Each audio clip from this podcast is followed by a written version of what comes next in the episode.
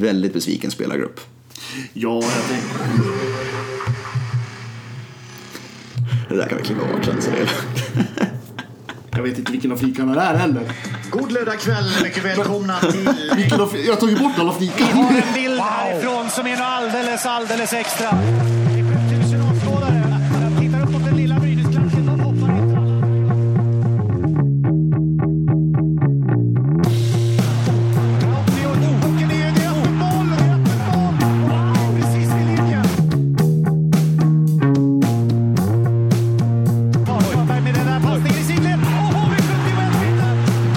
Dags för ett nytt avsnitt av Situationsrummet, SHL-podden som görs på svenskafans.com och på hockeysverige.se med mig, Måns Karlsson från hockeysverige.se och som vanligt sitter Viktor Holner från svenskafans.com mitt emot mig. Självklart.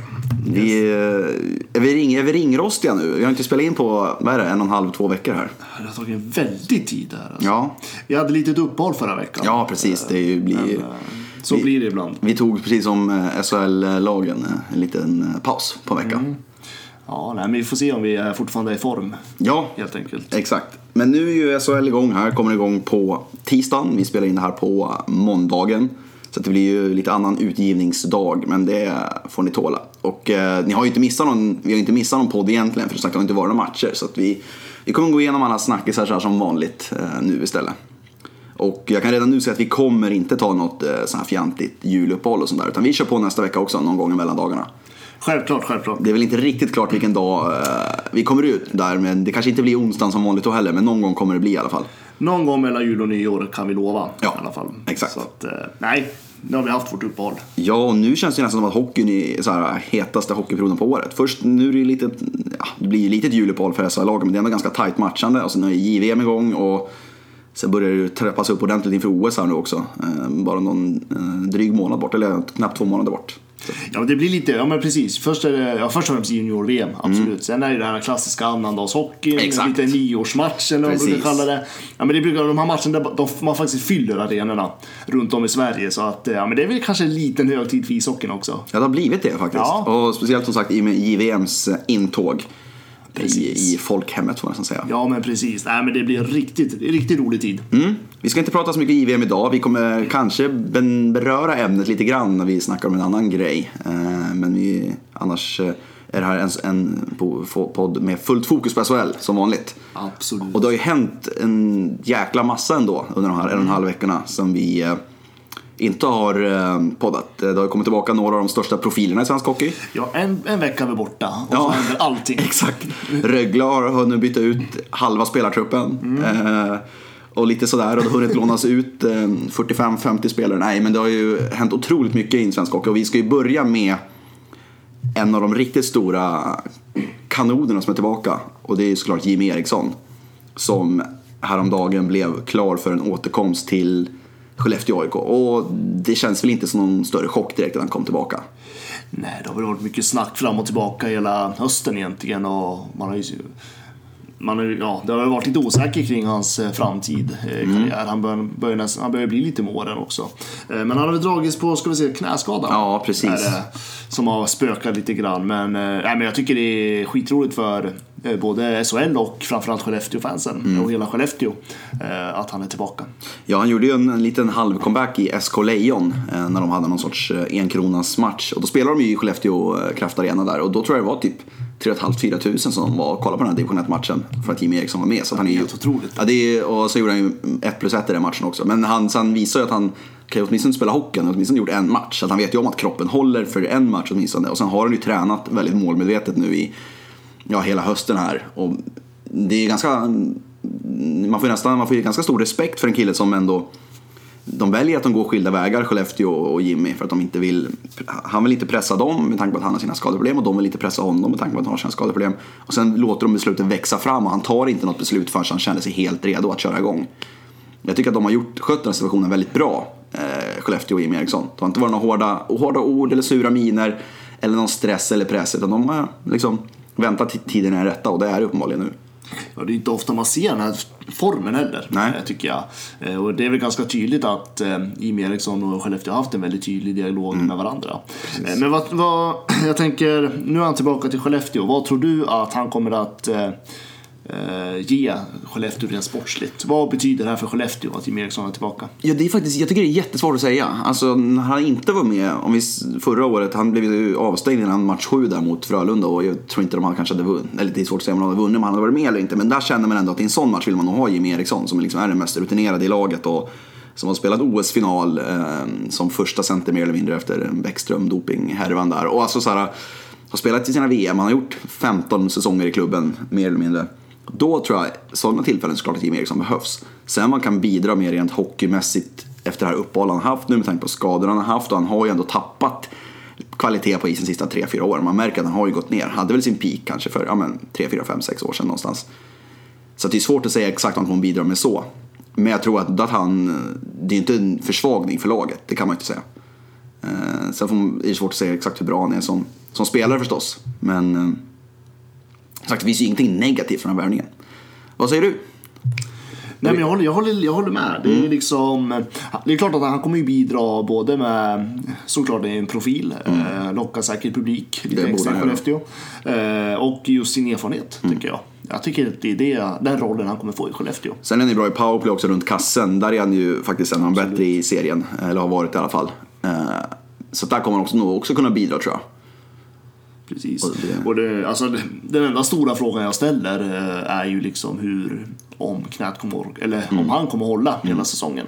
Men eh, på någonstans, måste han ändå känna att kroppen är fräsch, eller tillräckligt fräsch för att eh, skriva ett kontrakt med Ja, han skulle, det känns som att han inte skulle sätta varken sig själv eller klubben i den här situationen annars. Eh, med att riskera en sån grej om man inte var helt redo. Så man får hoppas det. Det Nej, men jag, jag håller så. med. Det känns som att de har ju varit, eller han har varit väldigt försiktig Mm. ändå. Eh, både, i alla fall ut i media så har han varit väldigt försiktig. Eh, och liksom, det känns ju ändå som att eh, han successivt har känt efter hur kroppen Ja, svarar upp.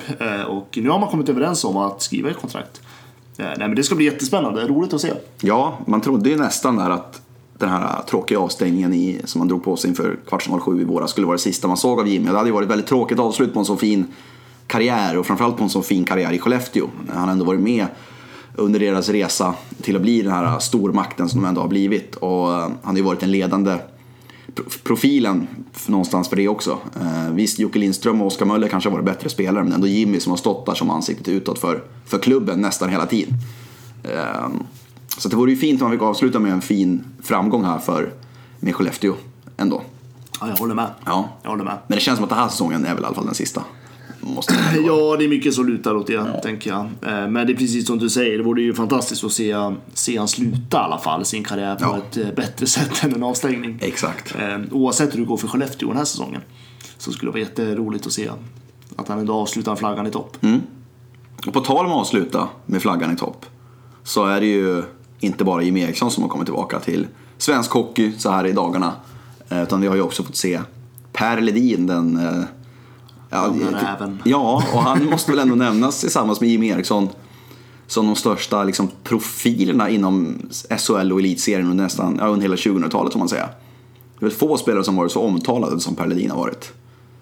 Ja, så är det ju. Han är ju en, eh, nej, men det är en spelare som väcker känslor också, tänker jag. Ja, det kan man säga. Eh, Han är ju liksom, det är en aggressiv spelare. Eh, Har väl alltid varit det egentligen. Ja.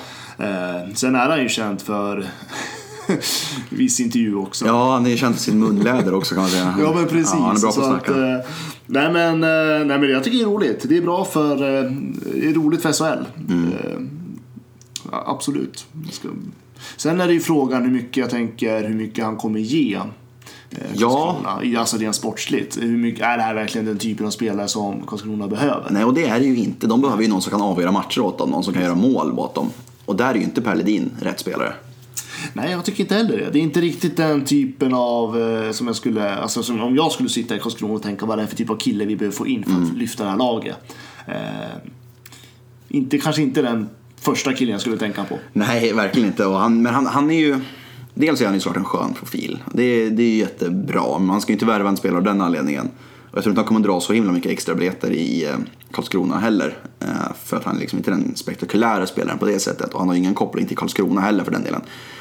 Um, Sen är det klart att han kan bidra med energi på isen och han verkar ju vara otroligt hungrig. Eh, Miro Salar som deras fystränare sa i eh, podcasten Sporthuset att eh, han var otroligt vältränad och att Per Ledin hade sagt att är kanske lite ringrostig, jag har inte varit på is på fyra dagar. Och det säger också en del om hans inställning. Han har liksom kört på i sin ensamhet här nu. Eh, även om han inte haft något kontrakt. Så han har en enorm inställning och det kommer ju såklart kunna hjälpa Karlskrona som ju förmodligen är ganska långt körda i botten när det gäller självförtroendet. Ja, precis. Ja, även Karlskronas tränare Ove Molin sa ju att han eh, såg väldigt tränad ut för att ha varit borta. Ja, och med tanke på att han är 39 bast Ja, också. precis. Ja. Sen är det ju skillnad på träning och match. Det kan man säga. Eh, Så, så att matchtempot är han kanske inte riktigt i. Där tror jag att han kommer behöva lite, några omgångar innan han kommer Han spelade ju rätt få matcher förra säsongen också när han var i Schweiz och, och härjade. Så att, eh, man, det är svårt att veta vilken klass han håller faktiskt. Så jag är tveksam till eh, om han... Han kanske hade behövt sitt hockeyallsvenskt lag mer än i ett SHL-lag. Kanske med. Ja, jo, jag tror att... Eh, nej, men jag vet inte. Det känns inte som att Karlskrona kommer få en jättevinning utav det här. Nej, det tror inte jag heller. Absolut inte. Plus att det är ju en värvning som nu, precis innan vi började spela in, så kom det ju uppgifter som inte direkt talade till Karlskronas fördel heller. Nej, och jag tror varken du eller jag har varit särskilt förvånade Nej. egentligen. Samtidigt är det ju tråkigt eh, besked. Eh, Det var ju inte jätte... vack- Eller, det var inte jättebra stämning kanske när eh, det var klart att han skrev på för Karlskrona. Nej. Av en viss anledning. Ja, de låg ju efter med pensioner och allt vad det var i eh, Karlskrona.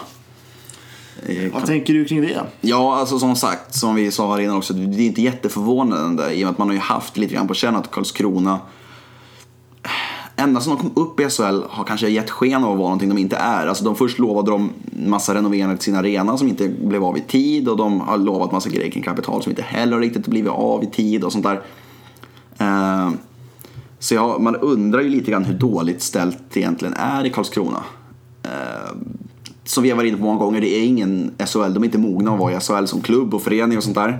Ge dem några år till så kanske de har växt in i det, men de är ändå inne på sitt tredje år nu, de borde vara, ligga längre fram än vad de gör. Men sådana här grejer kan man ju inte släpa efter på. För att visst, spelarna tjänar säkert helt okej ändå. De överlever. Men när man ligger efter flera månader med pensioner och sånt där. Det är ju typ den grejen man absolut inte kan göra om man vill ha nöjda spelare. Det finns ju ingen mening för spelarna. De känner ju ingen lojalitet mot Karlskrona om det de blir lovade tillbaka, att de inte får det tillbaka liksom. Så att det är ju det sämsta man kan göra som klubb. Och att då i det läget dessutom plocka in en ny spelare skickar ju enormt dåliga signaler. Ja men så är det ju. Eh, Det är ju jätteallvarligt om det är så att de ligger efter med eh, jag tänker spelarlönerna i form av pensionspengarna. Då. Eh, Det handlar ju säkerligen om, tänker jag, flera hundratusentals kronor eh, i så fall. Och det är allvarligt. Sen får man väl anta att Karlskrona på något sätt har någon strategi för det här. Ja. Eh, Men jag kan ju tänka mig från spelarhåll, de hade ju till och med larmat spelarfacket. det Ja, exakt. De hade anmält, eh, eller kontaktat i alla fall, Siko, Mm. Ja men precis. spelarfacket. Så att det var ingenting emot han själv. Nej, det- Utan det handlade om snarare om hur Karlskrona tänker när man ligger, när man ligger efter i utbetalningarna. Eh, spelarna är redan missnöjda.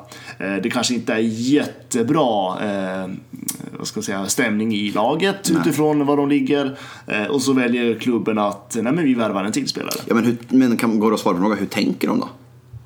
Alltså, eh, det är som sagt, hade de plockat in Sidney Crosby eh, för att han skulle komma, komma till Karlskrona och rädda dem kvar i SHL, ja då hade man kanske kunnat köpa det, att man plockar in en ny spelare i det läget. Alltså, om man ska hårdra det. Men för Per Ledin, inte, inget illa menat mot Per Ledin, men han kanske inte är den spelaren man vill plocka in i det här läget då, när man ligger efter precis som man gör. Om man vill ha en bra stämning i spelargruppen. Jag tycker det är obegripligt. Eller räknar de med att han ska dra så mycket extra biljetter så att de ska kunna gå plus på det på det sättet? Det kommer han inte göra, då överskattar de ju honom. Man har ju märkt det att så här, profiler inte drar riktigt. Det är klart, skulle Peter Forsberg göra comeback och lira i eh, SHL, det är klart han skulle dra, dra pengar, eller dra publik i eh, SHL-klubbarna. Men det är inte så att Per Ledin drar extra publik till Karlskrona. Alltså man överskattar hans värde i så fall om det är så de har tänkt. Så jag vet inte. Eller, eller chansar och gör de, gör de en sån här klassisk chansning och bara, men så länge vi klarar oss kvar den här säsongen så löser sig allt med tv-pengarna. Alltså det är lite de alltså, konspirationstankarna Ja, och då är, man får. då är de illa ute. Så är det. Samtidigt så eh, läser jag också en intervju i Expressen med Ove Molin, tränaren i Karlskrona. Liksom, det här att man kommer ju, man kommer ju sätta in eh, Per Ledin direkt till spel. Eh, men Molin säger ju liksom att det är upp till honom att se hur vi ska använda honom. Det är upp till honom att bevisa. Eh, för mig blir det någonstans, eh, om man ska få tolka fritt, lite grann att vad är det för plan från början? Ja, det alltså, kan- Vad är tanken i början med han? Det känns inte som att det är Ove Molins värvning kanske. Nej, det är, lite, det är alltså, det lite- Mm. är den känslan jag får. Alltså, vad, om inte Ove Molin har en, en plan för honom. Eh, vad, är Ja. det, vad är det som säger att det här är ett bra drag? Nej. Förstår du vad jag menar? Ja, absolut. Jag, jag, blir lite, jag blir lite fundersam över Karlskrona faktiskt. Ja, och, och alltså, ja, jag vet inte, men det är ju... Det känns lite omoget nästan. Alltså, de känns, alltså, det känns som att det är ett omoget agerande av en klubb någonstans. Att de inte riktigt känner till riskerna och det känns också konstigt. För jag menar, Charlotte Gustafsson om någon, hon har ju sett Modos förfall på nära håll. Hon jobbade i klubben då och, och liksom försökte förhindra liksom allting, all skit som pågick, för att uttrycka det tydligt, i den klubben. Så det känns som att hon om någon vet ju hur illa det kan gå. Eh, om, man tar lite, om man tar, gör snedsteg på den sportsliga delen. Vilket ju också då påverkar ekonomin, vilket påverkar vidare och så vidare. och Så vidare. Så det känns ju jättekonstigt på alla fronter. Och som sagt, det är inte direkt så att Per Ledin är den spelaren som kommer rädda kvar dem i SHL, om de nu klarar sig kvar heller. Nej, det är inte den, det är inte den typen av spelare. Nej. Det är, och det, det, det, det är precis det jag blir fundersam på. Det är liksom inte den typen av spelare Karlskrona behöver. Eh, sen är det jätteroligt såklart att ha honom i SHL. Absolut. Absolut. Men, Men, eh, jag tycker, är inte av just- den anledningen man ska värva in en spelare. är för att det är kul att ha honom. Nej, liksom. det är ju inte det. Jag menar, Karlskrona, vi har redan vi har pratat om deras organisation Mm. tidigare. Eh, hur, att vi är kritiska till den. Eh, det är inte en fulländad SHL-organisation riktigt än. De håller på att bygga upp någonting. Eh, just nu så funderar jag på, alltså det känns, alltså, det känns bara som en desperationsgrej. Eh, Ja, grej som de, är desperata. Lite den känslan får jag. Ja, och de ligger ju, om man kollar tabell, tabellmässigt, så de har ju ett lite halvknepigt läge. Alltså visst, det är fyra poäng upp till Mora bara. Och det är bara fem poäng upp till Örebro. Eh, Men som jag var inne på tidigare, i och med att Rögle förstärker som de gör, de är bara fem poäng före Rögle också. Och Rögle har ju betydligt starkare på pappret än vad Karlskrona har. Ehm, så att de kommer ju få, jag- tror att det inte finns en chans att de klarar sig undan kval. Ehm, och då kanske man borde försöka få en spelargrupp att vilja kämpa för klubben, att de ska stanna kvar i SHL. Och det gör man ju inte i det här läget än att plocka in en kille när man ligger efter som man gör. Eh, Och till och med att spelare går ut med namn som Mattias Karlsson gör i den här, det är Aftonbladet som har kommit med, med avslöjandet ska vi säga också. Och Mattias Karlsson då går ut med namn. Eh, han vill inte vara anonym utan han säger klart tydligt att eh, eh, det inte känns optimalt. De har diskuterat eh, i spelargruppen, är det verkligen lämpligt att värva en spelare i det här läget? Och när man går ut så tydligt som man gör och inte ens Nej, men vill det, är, det, det är klart att eh, är det så att man går ut med, med sitt eget namn då är det klart att då är man ju missnöjd. Eh, Och då kan man också stå för det man säger tänker jag. Samtidigt så tror jag Karlskrona känner av att eh, jag tror inte att eh, det inte, kommer inte alls vara roligt för SHL-lagen. Att vara i kvalsspel Nej. senare. Jag tycker vi ser en väldigt häftig hockeyallsvenskan. Ja, så är det. Och- Topplagen där kan, alltså Leksand har ju, jag tycker, man på pappret, så tycker jag inte att de har sämre lag än Karlskrona. Nej, Snarare inte alls. tvärtom. Absolut inte. Och Timrå har ju ändå legat på toppen Precis. Allsvenskan Och sen finns det ju. Modo som går starkt också. Precis. Också har ett jättebra lag i år. Absolut. Jo men det har de. Och jag menar liksom, jag tror att, och, och, och, och sen tänker jag, jag tror både de lagen som är på väg upp och de här lagen som i SHL som är på väg ner. Mm. De vet ju vad som väntar nästa säsong rent ekonomiskt och förutsättningar och allt vad det innebär som vi också pratat om tidigare. Med det nya avtalet och allting. Mm. Jag tror att, eh, och därför tror jag både Karlskrona och Rögle då som vi kommer gå in på senare. Eh, det blir någon form av desperation. Ja, men vi kan ju ta, vi tar Rögle på en gång. Ja, För absolut. att, för att de är ju, visst, de har inte gjort på samma sätt som Karlskrona har plockat in Per Ledin, men det går ju knappt en dag utan att det händer grejer. De har bytt tränare, de har bytt sportchef och de har ju Bröderna Abbott har ju gjort extremt mycket sen bara de kom in. De har plockat in Ben Jouds från Växjö, de har plockat in Janne Jalasvara, de har plockat in den här Steven Perfetto från Kanada som jag aldrig har hört talas om tidigare så jag kan inte uttala någonting om honom. Det ryktas om Jason Akesson som är en väldigt stark, eh, eller har varit en väldigt poängstark spelare i AHL och sen en sån kille som har ryktats i Sverige i många år så att det är en sån här som sportchefen har haft koll på. Eh, de har gjort sig av med eh, eh, Bibic som hamnade i Linköping, lite otippat kanske. Kate Fairchild som var en av SHLs bästa backar förra säsongen har försvunnit. Mattias From har försvunnit. Och det ryktas om Kevin Gagné att han ska försvinna. Så att det, de är ju... Det, där kanske inte är desperation riktigt på samma sätt. Utan där känns det nästan mer som att det är två nya som vill komma in och sätta sin prägel på laget helt enkelt bara. Att, men det är ändå en liten passning tycker jag till tidigare sportchefen Masken Karlsson att man vill komma in och göra sådana här radikala förändringar direkt. Ja, så är, det Någonstans. så är det absolut. Samtidigt så tänker jag att eh, förändring måste ske. Mm. Eh, och jag tror att Rögle gör ju verkligen allt vad de kan just nu för att eh, förändra ja, men både lagbygget och eh, säkert spelsystem och allting. Just Ja, absolut. Att, Det- menar, här försöker man ju liksom, här försöker ju Abbott, alltså bröderna Abbott att verkligen, de försöker, försöker ju förändra det här ja, men vägen som Rögle faktiskt har vandrat den här säsongen. Eh, Det har ju bara gått neråt för är det. Nu måste man ju någon på någonstans hitta eh, linjen man har följt har inte fungerat. Eh, nu måste man liksom rasera den och bygga upp något nytt här nu mitt på säsongen då. Eh, Rögle måste ju satsa på att vara, bli det här eh, bra Rögle slutet av säsongen. Men det är ju vågat någonstans att göra den här grejen nu. Alltså vissa sportchefer och tränare hade nog känt så här, men vi, nu handlar det om att de kanske plockar in någon spetsspelare, ta en Jason Åkesson, de kanske plockar in Janne Jallasvaara som är liksom en bra backhugge.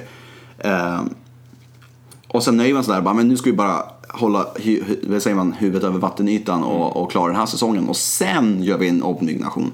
Men de kör ju den här under säsongen och det är det, jag tycker det är ganska häftigt. Det gör jag. För att de kommer in, han, Chris Abbott har aldrig varit sportchef förut, Cam Abbott har aldrig varit huvudtränare på seniornivå förut. Och de går in och gör sådana här grejer direkt. Jag tycker det är ascoolt och jag tycker det visar att det är ändå rätt personer på rätt plats. Alltså de vet vad Rögle behöver. Men det är ändå en liten risk när man gör det under säsong. För att det Rögle som inleder säsongen, det är ju i princip en, en, en, en hel femma och lite till som kommer vara borta när säsongen är över liksom. Och, så, och det farliga med det här, det är ju att, tycker jag i alla fall, det är ju att det sker så sent in på säsongen. Mm. Det här skulle ju nästan hänt tidigare. Så det är klart att man eh, tidigare så visste väl inte Rögle heller vart man skulle hamna riktigt. Men eh, frågan är liksom, precis som du säger, man, sätter ju, man ändrar ju nästan ett helt inte ett helt lag, men alltså man ändrar ju otroligt mycket Ja. i ett lag när, man, ja, när man flyttar spelare så här mycket. Då ska du försöka få ihop det här också under Precis. säsongen. Och det är det jag är lite... Ja. Det är det man inte vet Nej, hur det kommer och det är det, det är det jag blir lite orolig för Rögle. Antingen kom, kommer det här, kan det här bli jättebra, eller så blir det jättedåligt eller blir det ingen skillnad. Mm. Ja. Eh, såklart. Men eh, också jävligt modigt och häftigt Ja. att man vågar göra det. Alltså jag tror inte vi har sett det här. Nej, inte på det den här, typen nej, inte på det här, ty, inte på det här tydliga Nej. sättet. Det är ju väldigt sällan, till att börja med, som en sportchef byts ut mitt under en säsong. Mm. De vill ju ofta ha, liksom, där är det tydligt man gör det. Ja, men han tar över till nästa säsong, då får han bygga sitt lag då. Ja, precis. Eh, eller att man låter en sportchef bygga sitt lag och sen byter man till säsongen börjar så får den bara liksom leva med. Men nu byter man ju verkligen mitt under säsong. Och han går in och sätter sin prägel direkt och det har vi nog aldrig sett förut tror jag. Nej, men det är häftigt. Ja. Det är riktigt häftigt. Samtidigt vågat. För Precis. sitter ju verkligen i ett jobbig situation. Mm. Eh, De måste bara klättra. Det är ju bara så. De måste, de måste skaffa poäng i varje match. Eh, Och det kommer vara jättetufft för Rögle. Mm. Eh, Men vad tror du då? När, när Rögle gör den här förändringen. Jag vet inte ens om de är klara. Det är... Nej, det verkar ju som att Edvin Hedberg exempelvis är en sån som kan vara på väg bort men också. precis. eh, Har det ryktats om och, och sådär. Det är massa ryk, rykten Ja. runt det här Rögle. Och det har ju varit, eh, ja, det har hänt så jäkla mycket nu de sista veckorna. Mm. Men vad tror du då? Är det här rätta vägen för Rögle att gå? Alltså, eh, ja, ja, alltså de har ju alldeles för bra lag tycker jag för att riskera att åka ur SHL. Det tycker jag. Så då på det sättet är det ju rätt att de stärker upp ett redan starkt lag. För jag tycker inte de blivit sämre rent på pappret heller. Utan de har ju... eh, Jag tycker inte allmän Bibic är någon större förlust för dem. Jag tycker att han, eh, inte, jag tycker han är lite överskattad. Eh, Kate Fairchild var jättebra förra året men har inte varit bra den här säsongen. Får in Ben Jouds från Växjö som var bra i Leksand förra året. Får in Janne Jallasvaara. Ja, det kanske går jämnt ut, lite plus. Eh, och Får de in Jason Åkesson och han visar vara en bra spelare. Ja, då får de in en spetsspelare som de behöver. Som blir ett bättre lag på pappret. Och som sagt, de är ju för bra för att åka ur. På det sättet tycker jag de gör rätt, eh, Rögle. Men sen som sagt, vad känner de här spelarna att har varit i klubben från start? När det blir så stora förändringar både på spelar, eller på, både på ledarsidan till att börja med, man ska spela ett helt nytt spel. Och sen kommer det in en hel massa nya spelare samtidigt också. Hur klarar sig Daniel Widing? Hur klarar sig Ludvig Rensfeldt? Hur klarar sig de här killarna som har varit där hela säsongen? Eh, när, de, när det kommer ett helt nytt gäng. Och så är det dem man förlitar sig på istället. Jag tror att en sån som Ted Brithén, kaptenen, har ju en jätteviktig roll att få ihop gruppen. För att jag tror att, det är klart, Cam Abbott kommer in som ny och fräsch, då är det lätt att få spelarnas förtroende direkt för att man var nog ganska less på Eldebrinks styre. Men nu när han har varit där ett tag, när hans smekmånaden börjar ta slut, man kanske inte är lika lyhörd för nya idéer. Sen då får ju en sån kille som Ted Brithén ett enormt viktigt ansvar för att få ihop gruppen och få både gentemot spelare till tränare och mellan tränare och spelare. Liksom. Så att han får ju nyckelrollen. Lyckas han ena den här gruppen, vilket jag tror att han kan göra för han har ändå varit kapten i HV tidigare och sådär. Ehm, då tror jag det kan bli bra. Men skulle det börja gå emot, och åker på tre, fyra förluster till här Rögle, då kan det ju sluta i katastrof också. Men som sagt, de ska ha för bra lag för att åka ur. Alltså, jag tycker de har alldeles för bra lag för att ens bli hotad av något hockeyallsvenskt lag på pappret. Tänk att jag håller exakt med dig, Mm. det du säger. Nej, men jag, jag tycker också att Rögle har för bra lag att åka ut. Ja. Eh, Jag satt ju till och med dem som det här lag som skulle Ja, förvåna inför den här säsongen. Eh, Har inte riktigt visat det än. Eh, Jag tror också mycket på Ted Brithén. Eh, Jag tror att, någonstans så tror jag också att den här, hela den här situationen tror jag någonstans att spelarna tänker, med grabbar nu måste vi fan göra någonting. Alltså jag tror att eh, jag tror att det här är ett gyllene läge för Rögle faktiskt att bara samla ihop sig eh, på riktigt. Det är klart att de har pratat hela säsongen, men just att man mentalt samlar ihop sig. Nya spelarna kommer in i gruppen, man, man ser till så att de snabbt kommer in i gänget också. Eh, Jag tror att alla förstår ju allvaret i det här naturligtvis. Eh, Men men Sen är men- det precis som du säger. Skulle det for, fortsätta gå snubbligt för Rögle eh, ett par matcher till, Mm. ta fyra, fem omgångar till. eh, Då tror jag att man ligger riktigt i skit. Men du säger att de förstår allvaret. Men gör Jason Akesson det som kommer in? Gör Steven Perfetto det som kommer in nu? Förstår ens Ben Jouts allvar? Visst, han var Alltså, med och åkte ut med Leksand så han vet ju att det inte är så kul kanske. Men Nej. han vet också om att ja, jag fick vara kvar i SHL ändå i alla fall. Nej, alltså de, eh, det är klart att de vet ju inte känslan i gruppen. Alltså de har ju inte den. Men det är därför jag menar att det är viktigt. Alltså jag tror de andra spelarna som har varit, har varit i det här, brottas med den här motgången hela hösten. De tror jag för har förstått liksom att nu, att det kommer nya vindar in, vi måste göra någonting av det här. Därför tror jag, jag tror att de kommer lägga väldigt mycket fokus på att få in de här spelarna i gruppen. Eh, allihop, att gå in väldigt seriöst eh, den här sista säsongen. Eller sista halvan av säsongen. Eh, och liksom få in de här nya spelarna i gruppen och på något sätt liksom försöka forma det här nya Rögle tillsammans. Mm. Eh, men jag tror inte att de nya spelarna kommer att vet liksom, de vet ju inte situationen för de har ju inte varit i den här gruppen. De vet inte alls hur snacket går. Eh, och det, det är det här som blir så intressant. Och det finns som sagt även positiva grejer i. Att det kommer in nya killar. Det Ja. man kan ju vända på det Ja, också men det är det. Jag, jag tänker, jag tänker Ja. det är nya killar, nya idéer, eh, nya, alltså bara, ny, alltså bara nya röster i omklädningsrummet. Eh, kanske kommer med ny energi. De har ju liksom inte varit i den där tunga motgången Nej, hela tiden. Utan de precis. kommer som nya och förhoppningsvis väldigt hungriga också. Eh, så att det här kan bli jättebra för Rögle. Men det kan, Det kan också det bli katastrof. Men det är lite för långt upp till um, slutspel i alla fall. Det är ju 17 poäng upp till Luleå. Så det, det, men då- det då- tåg har ju gått. Det handlar ju om att klara men sig kvar. Rögle ska bara kämpa för att överleva. Det är det. liksom ingen snack om det. De ska bara kämpa för att överleva. Och det borde de ju klara av. Ehm, det har hänt som sagt väldigt mycket. Alltså, det är mycket. Sen vi spelade in sist, jag bara, jag bara kollar här på Elite Prospects. Eh, senaste veckan har det ju varit liksom 15, ja, 10-15 värvningar nästan i SHL. Liksom. Då har varit nästan någon om dagen. Det helt otroligt. Ja, och lån hit och dit och sådär. Och vi tänkte snacka lite grann om det här med lån. Speciellt kanske, liksom, det har ju varit dels har ju Malmö och Panten har ju fått mycket kritik under säsongen för att det i princip är farmarlag. Eh, Rögle och Oskarshamn har också skickat många spelare mellan varandra. Fått lite kritik för det. Speciellt eftersom att de ju faktiskt kan komma och mötas i ett SHL-kval framåt våren. Eh, Med liksom spelare som har spelat i båda lagen under säsongen. Nu såg vi Fredrik Styrman som gick från Pantern till Frölunda häromdagen. Och det, för att Frölunda har ju en, en, en gäng spelare borta på JVM. De har ju framförallt eh, två backar, Filip Westerlund och Rasmus Dahlin. Och så har de ju Nörstebö på skadelistan också ty- tyvärr. Just det, det har de ja. Eh, och sen har vi sett Växjö som plockar in Pontus Holmberg från Västerås. En 18-åring från Västerås som kommer upp på, på lån. Spännande. Ja, det är ju så här... Eh, lite ovanliga liksom, övergångar om man kan säga så. Men det är ju, vi har väl kommit fram till vad problemet är och det är ju att hockeysäsongen är ju för kort. Eller det finns för mycket, det är för mycket turneringar och matcher som ska in för att klubbarna ska klara ja, det. alltså det går, my- mycket går in i varandra. Ja, men precis. Jag. Och det är liksom, det är lång säsong, det är, landslag, det är landslagsspel och det är junior-VM och det är Champions Hockey. Champions Hockey League och det är liksom, nej, men det blir väldigt, eh, ska man säga, grötigt, rörigt. Eh, som gör att, eh, ja, men har du bra juniorer förlorar du dem under jun- junior-VM. Ja, precis. Eh, Har du bra, har du bra, bra spelare så förlorar de i Ja, landslagsuppehållen. sagt, så, Växjö fick ju inte samla Viktor Fast i Champions League för att han var iväg med landslaget. Ja. Eh, Och precis så är det med Champions League. Så, ja, Har det för bra där så får inte ens... Men alltså, Ja. det blir liksom, det är klart att, och så hoppar och så är det skador i det också. Ja. Och eh, det är klart att det är ju svårt då att hålla den här gruppen på, vad är det, 24 spelare? Ja, något liksom, sånt. Mm. Något sånt där eh, konst, kompakt hela säsongen. Det går ju inte. Nej, men det är det som... Alltså det, det, det är ju... Det är, ju- det är så svårt för man tänker så här, "Ja, men det är ju bara att ta bort landslagsgrejen. Ja, men det funkar inte heller. Man kan ju inte ha säsong utan alltså, landskamper. alltså- Och man kan ju inte ta bort...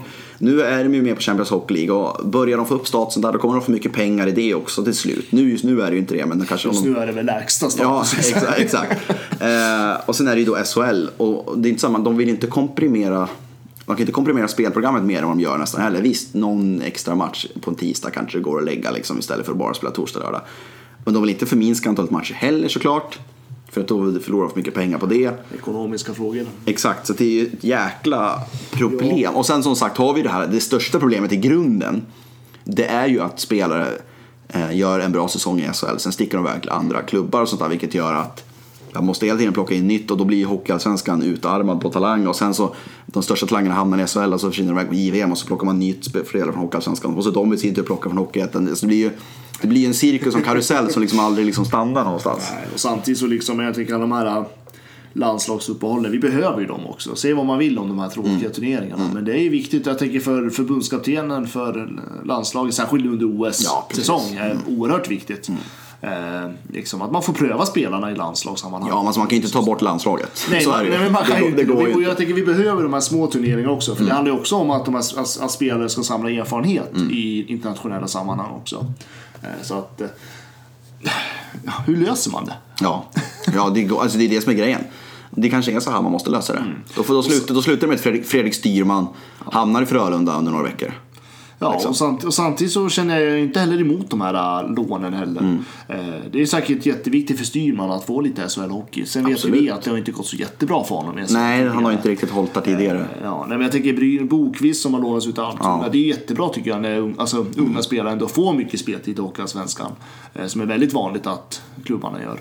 Eh, men, eh, Mm. Men- men- det, är, alltså, det är lite, det är både och. Men det här med korttidskontrakt då, det har ju sett en hel del sådana. Eh, eh, vi har ju exempelvis sett Micke Johansson som var där just det, Brynäs. just det. Han fick ju inte förlängt, Linus Fernström däremot fick ju förlängt. Eh, och lite sådär. Eh, är det, vad ska man säga? Får, det, man får göra korttidskontrakt två per säsong och det är när det är skador på andra spelare. Liksom. Det är då man får ta in dem. Men jag tänker så här, ska man få, och sen har vi ju, man får ju värva fram till februari eller vad det nu är. Sen stänger ju liksom transfer. Ska man göra som i fotbollen, ha liksom transferfönster? Att så här, nu har ni två veckor här ni får värva in och då är det för resten av säsongen. Ni får inte in de här korttidslånen då. Utan det, det kanske man får göra. Korttidslån, att man får göra det med verkligen bara så här. Om man får göra det med kontrakt, kontraktslösa spelare vid krissituationer när man har många skador. Och sen är det, äh, ni har ett fönster här, ni får värva spelare. Kanske typ nu, i december. Eh, att man, så man liksom får göra så. Hade det gjort skillnad tror du? För det måste ju vara svårt för publiken att se ja, nu kommer Fredrik Styrman in några veckor, sen kommer han försvinna. Ludvig Nilsson var uppe i, i Brynäs och lirade en match, gjorde mål och sen dagen efter är han tillbaka i Almtuna igen. Alltså vad är det för mening? Alltså, Nej, det är klart att det blir, det, det, det är klart det blir rörigt. ja, jo, Så kan man säga. Eh, Sen vet jag inte om det är så jäkla optimalt för spelarna heller. Eh, Nej. Om man ska tänka... Ja, Vissa måste ju bara känna att det är positivt att de får chansen. Ja, men för gud, vissa ja. måste det ju Jag vara tänker- jättejobbigt. Ja, men ta Fernström till exempel. Alltså, Ja. Jag kom in i Brynäs som målvakt. Gjorde, har gjort det bra ifrån sig. Eh, Brynäs som har haft problem med sina målvakter fick förlängt. Klockrent, Mm. såklart. Eh, sen är det ju tillfällen då det inte alls har funkat så himla bra heller. Nej. Eh, och det, jag tycker det är en jättesvår fråga. För ett sätt tycker jag det blir de här alltså, eh, korttidskontrakten eller alla de här när man värvar in spelare från med många skador och så. Det är ju liksom naturligtvis att det rinner, ju, det rinner ju iväg väldigt fort ekonomiskt. Ja. Det finns ju liksom inget stopp egentligen. Eh, och vi har ju sett tidigare på riktigt så här vad ska man säga? Skräckexempel på när en sportchef får bara värva in massa spelare och sen så visar Ja, det- Modo- röda siffror. Ja, Modo, Modo till var väl bästa exemplet på det. Ja. Och till slut så åkte de ur. För Till slut till slut ut. så går det inte längre. Nej, men det blir liksom, det blir ju en ond cirkel rent ekonomiskt. Och jag vet att Brynäs var inne på sådana väldigt Ja, ja, år sedan. absolut. Så att eh, liksom det, men det, och där skulle man väl kanske önska att det fanns lite mer liksom, eh, ja men lite mer styrt Mm. med här transfer. Men ah, jag, jag vet inte. Jag vet inte om jag har någon riktig åsikt i den. Jag skrev en eh, blogg, tror jag för något år sedan här om Modo och under fyra säsonger så var det 30 spelare som lämnade laget under säsong. Det vill säga att det var ett snitt på nästan 8 per säsong. I Ja, det är Modo helt sjukt. Som Det är lämnade. helt sjukt. Ja. Ja. och det är så en sak om man lämnar mellansäsong, men det var så under säsong. Och då var det någon säsong som det bara var typ två spelare som lämnade. Så var det någon som det var typ 11 spelare som försvann under säsong. Och då betyder det också att det är 11 nya som kommer in. Och det är liksom... Och så kanske man måste betala dubbla löner ett tag. Och så, alltså, Ja, men det är ju det, är det där också. Eh, och ja, det är inte riktigt okej. Nej. tycker jag. Så jag vet att det var väl inte länge, det var väl inte länge sedan det var någon säsong som eh, Brynäs hade, hade de sju, åtta målvakter på en säsong. ja, ja, det var två säsonger sedan tror jag. Ja, det var, men alltså det är liksom det, det, det, det är det där jag inte vill se. Nej. Eh, samtidigt, alltså det, det, men det är både och naturligtvis. Eh, man måste liksom... Jag känner att jag inte riktigt har någon Nej men det, värdering. det, det, det kan ju bli lite parodi när Jonas Gunnarsson som var, eh, blev utlånad till HV och mötte väl om till och med var Malmö och sen dagen efter stod han för Malmö för då gick Nilstorp sönder och så var Alsenfelt skadad eller hur det var. Och då blir det lite parodi till slut och där, det är där man kan känna att det vore skönt att ha liksom reglerat med transferfönster exempelvis. Sen vet jag att det kanske inte funkar rent, jag vet inte exakt hur regler med alltså arbetsmarknadsregler och sånt där ser ut, om man får ha det eller om det strider mot någon lag eller så. Men sen finns det ju, sen, sen kan vi vända på det så här, ja men varför ska Jonas Gunnarsson gå runt som tredje målvakt när det finns en klubb som vill ha honom? Ja men då är det väl lika bra att kasta in honom där. Så man kan ju vända på det så men också. det är det. Det blir men, det blir, det- men det blir ju pajigt för att man, man hinner ju inte som Malmö som plockar in en ny Pantern-spelare varje match. Vad, vad har de för relation till den? Man vet att den är där en match, sen sticker den iväg igen. Det blir nästan lite doping på ett sätt. Alltså om man plockar in killar för en match och sen skepp- skeppar iväg dem. Då ska det ju vara tydligt, det här är vårt farmarlag.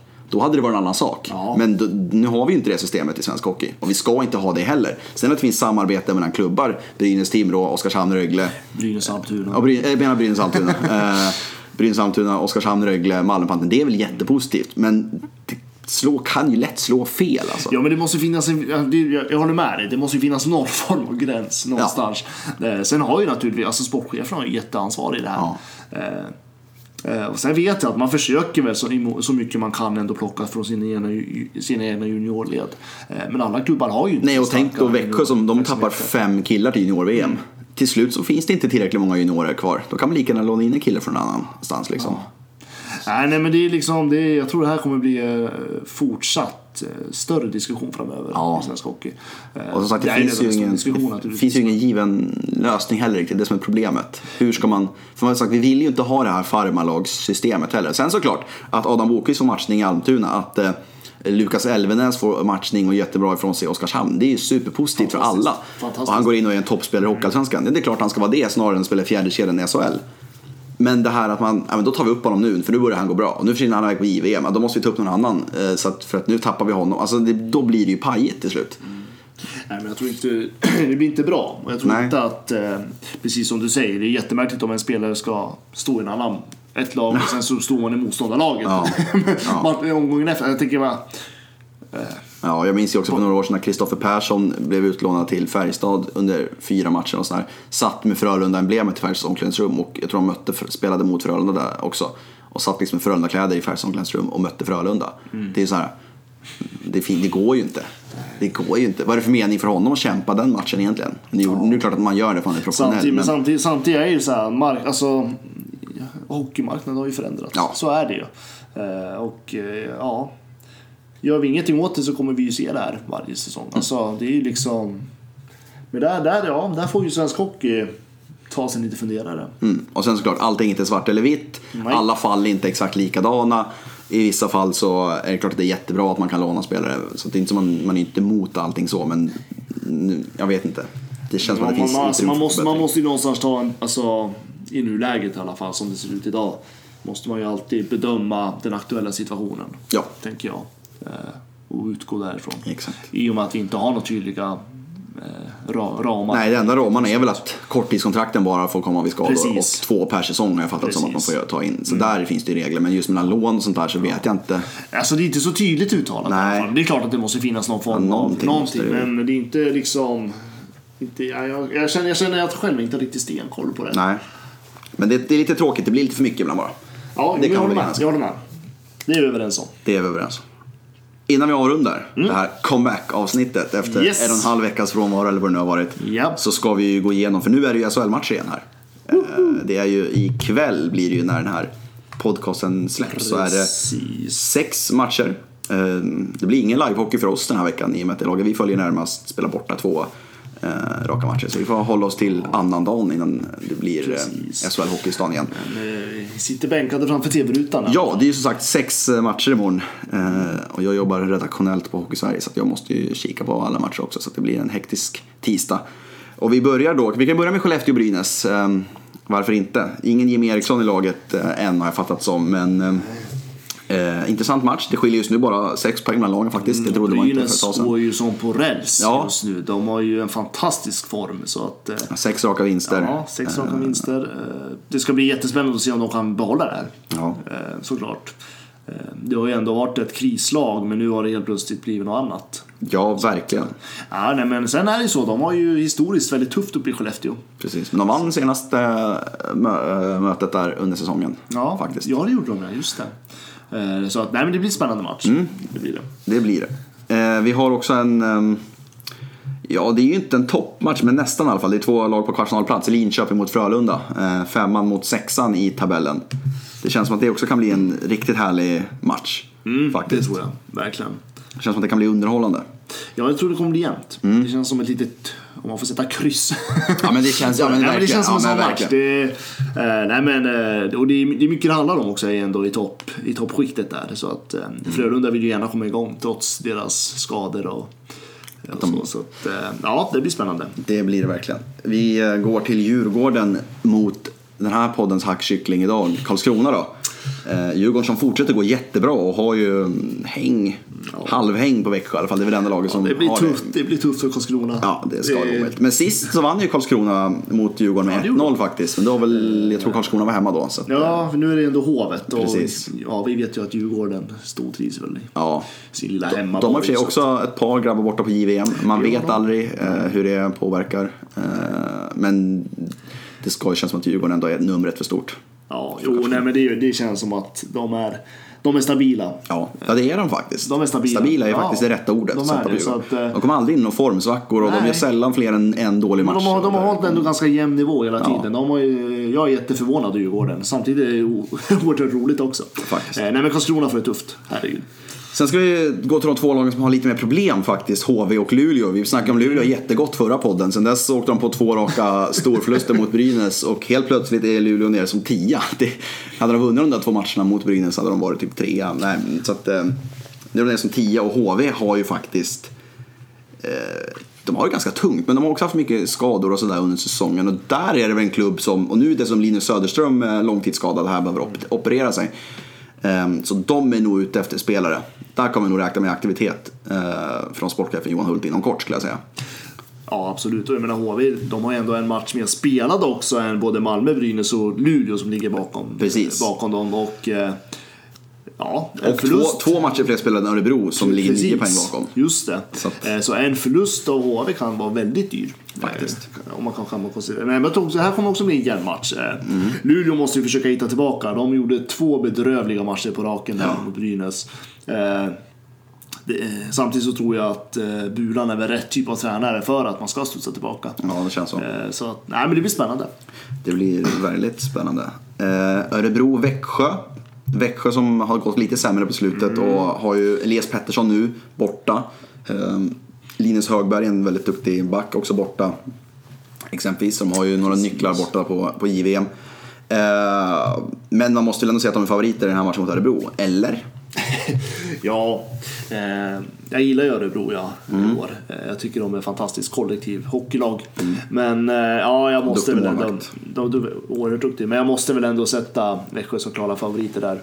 Eh, det säger sig självt. Ja, det gör faktiskt det. Men de är favoriter nästan alla matcher de spelar. Ja men de är ju det. det Det är väl möjligen Man är, feg, man är feg när man säger det, men det är bara att Ja. titta på uh, hur det har sett ut och tabellen och allting. Det är, jag har svårt att se att uh, Växjö är jätteskakiga inför den här matchen. ja, det känns som att de, de vet vad man, man vet vad man har dem. Men Örebro är hemmalag, så Ja. att uh, det kan, de kan mycket väl utmana. Det är klart.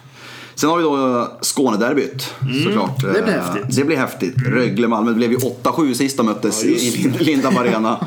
Eh, och förra året blev det ju vad är det, 7-6 i motsvarande möte. brukar vara väldigt... Ja, de brukar vara härliga de där derbyna Ja. alltså. De brukar vara riktigt härliga. Och nu med tanke på allting som händer i Rögle och, och sådär. Så är det ju ännu mer in, intressant att följa dem, får man säga. Samtidigt som Malmö har gått ganska tungt på slutet och haft väldigt mycket skadeproblem framförallt. Eh, så man vet väl inte riktigt var Malmö står i den här matchen. Så Nej. jag skulle nästan säga Rögle som eh, knapp favorit där. Ja, jag skulle precis säga det. Jag tror att är det någon gång som Malmö kanske ska försöka hoppa tillbaka så är det väl nu. Ja, så, så är det ju å andra Eh, sidan liksom- också. De ligger ju ändå alltså, tabellmässigt i ganska gyllene läge att Mm. eh, haka på eh, både menar, Frölunda, Linköping och Skellefteå till och med Ja, kanske. det är ju så otroligt jämnt bakom. Det är ju det, det är oerhört jämnt i Ja. tabellen. Jag älskar ju sånt. Men eh, jag tror på Malmö ändå. Alltså, jag har så svårt att se att Rögle ska hitta någon vinnare. Då säger jag så här 6-0 Rögle eller något sånt kommer det bli. Ja, men då blir det ju det Ja, naturligtvis. det, är mitt, det- är mitt. eh, det har ju gått halva säsongen nu. Mm. Så här, spontant innan vi avrundar. Är det någonting, vad, vad är det som har stuckit ut på dig första halvan av SHL-säsongen? Är det någonting du kommer minnas eller någonting som du ser med glädje? Med glädje? Ja, men vad är det som du, vad är det som du, vad, vilka intryck har du den första halvan? Eh, Ska, ska jag säga positiva intryck? eller? Ja, vad du vill. Både och. Eh, Jag har både positiva och väldigt starka negativa intryck. Mm. Men eh, jag kan börja med de positiva då. Men, eh, men mitt positiva intryck den här säsongen är ju att Dels är det, det är en väldigt jämn tabell. Ja. Det tycker jag är väldigt positivt. Jag tycker det är mycket de här Ja, men alltså det är Färjestad, Djurgården, Skellefteå, Frölunda är ändå i toppen. Alltså det är ändå de här klassiska klubbarna, eh, undantag för Växjö då kanske, som ändå är liksom starka lag. Mm. Jag tycker om det. Eh, jag gillar ju de här, eh, ja, men det blir lite de här klassiska rivalkamperna. Håller helt med. Framförallt att Djurgården och Färjestad. Ja men det precis, det blir, liksom, det, men det blir liksom så här, ja, vi är tillbaka till gamla härliga Ja, hockeytiden. Nej men alltså, jag, Man jag, behöver lag att ogilla. Alltså det är lite grann så. ja men så är det. Alltså, så enkelt är det. lag att ogilla. Och man måste ha spelare att ogilla. Ja, därför är det positivt är med Per det. Ledin Och det- och, och de här grabbarna också. Liksom. Och det är därför liksom, jag vill ha de här klassiska klubbarna eh, Mm. i SHL. Jag vill ha dem just för att det finns en historia, det finns en tradition, det finns ett hat, alltså det är rivalitet Mm. mellan dem. Eh, och just att det är många, många sådana klubbar som är, eh, som är bra i år. Eh, samtidigt som vi ser eh, ja, men både kanske Brynäs är på gång nu också. Eh, ja. Nej, men jag tror spännande. Mm. Mycket här spännande tabell. Men det var Ska jag inte bara... mitt negativa? Om du vill. Om du har något negativt alltså, intryck. Generellt så har jag inte sett mycket negativt eh, kring den här säsongen. Eh, den, men den är just att, eh, nej men just att jag tycker att många lag i nederskiktet eh, fortfarande så har, visar ändå någonstans på att vi har lite problem med SHL. Just det här med ekonomiskt, organisationsmässigt. Eh, man skulle önska att vi kanske hade alltså, starkare bottenlag, för att säga så. Eh, jag Mm. absolut. tycker att det är fortfarande för mycket liksom, krisstämpel, lite så här panikartade organisationerna. Jag tycker liksom... Men det tycker jag, jag, jag, jag kanske inte, vi kanske inte har 28 klubbar i Sverige som kan klara av att vara elitklubbar. Inte än, men samtidigt så tror jag liksom att eh, jag är helt för de här antalet 14 lag i SHL. Mm. Men jag tror att vi, vi måste nog ge det några år till, tror jag. Det är så. Ja, så kan det Sen vara. vet man ju inte vad det här nya avtalet gör heller med ekonomiskt och allting. Men, eh, nej, men vi har fortfarande lite där att eh, det är lite för mycket kris i vissa klubbar, rent organisatoriskt. Mm. Jag måste bara säga en positiv grej själv också. Jag tycker, det, jag tycker det är häftigt med att det är många unga som har eh, slagit igenom ordentligt. Eh, Elias Pettersson som leder SHLs poängliga som junior. Alla vet om vad Rasmus Dahlin har gjort. Det är så Elias Andersson som varit jättebra, i, hade lite tungt i början, var jättebra på slutet i, i, ehm, i Frölunda och lite sådär. Häftiga Axel Jonsson Fjällby och Marcus Davidsson i Djurgården och också juniorer som är bland, liksom bland de ledande spelare i de bra lagen. Och så här, sånt tycker jag är häftigt. Ehm, att vi får liksom det föds nya stjärnor någonstans. För det är lite grann det SHL finns för nu. För de kommer försvinna iväg inom kort. Så vi är ju en utvecklingsliga. Absolut, Eh, det är vi. det, då är det häftigt att se att vi producerar så mycket talang. Men sen så negativt så, ja, jag tycker det är tråkigt att det, det typ, jag tycker det negativa är att det blir så jäkla mycket negativt skriveri om SHL. De gör inte allting rätt. Det finns mycket att anklaga SHL för. Men jag tycker, som, som jag skrev i någon tweet förut också, det skrivs för lite och det snackas för lite om hockey. när det snackas om SHL. Och det är lite är, tydligt. vi, är, för- vi är för dåliga på att marknadsföra oss själva kan jag tycka. Mm. Ja, men alltså man, ja, vi pratade om det här tidigare också.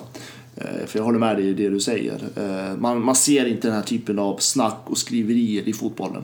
Nej, inte alls på samma sätt. Nej, även, alltså- fast, även fast klubbarna där på många sätt är betydligt mer misskötta och betydligt Absolut, sämre ekonomi ja. än vad det är i Ja, ja, svensk ja. hockey. Jag tror liksom, nej men jag tror liksom det finns en annan typ av stolthet utåt i fotbollen. Mm. Eh, fotbollen är fin, alltså fotbollen är liksom mäktig, stor, den är folklig.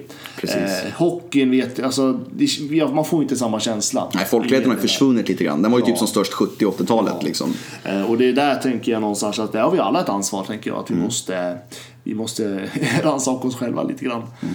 Eh, Jag menar, på något sätt så måste vi ju alltid marknadsföra ishockeyn. Eh, Vi vill ju att framtida generationer ska brinna det lika mycket som vi gör.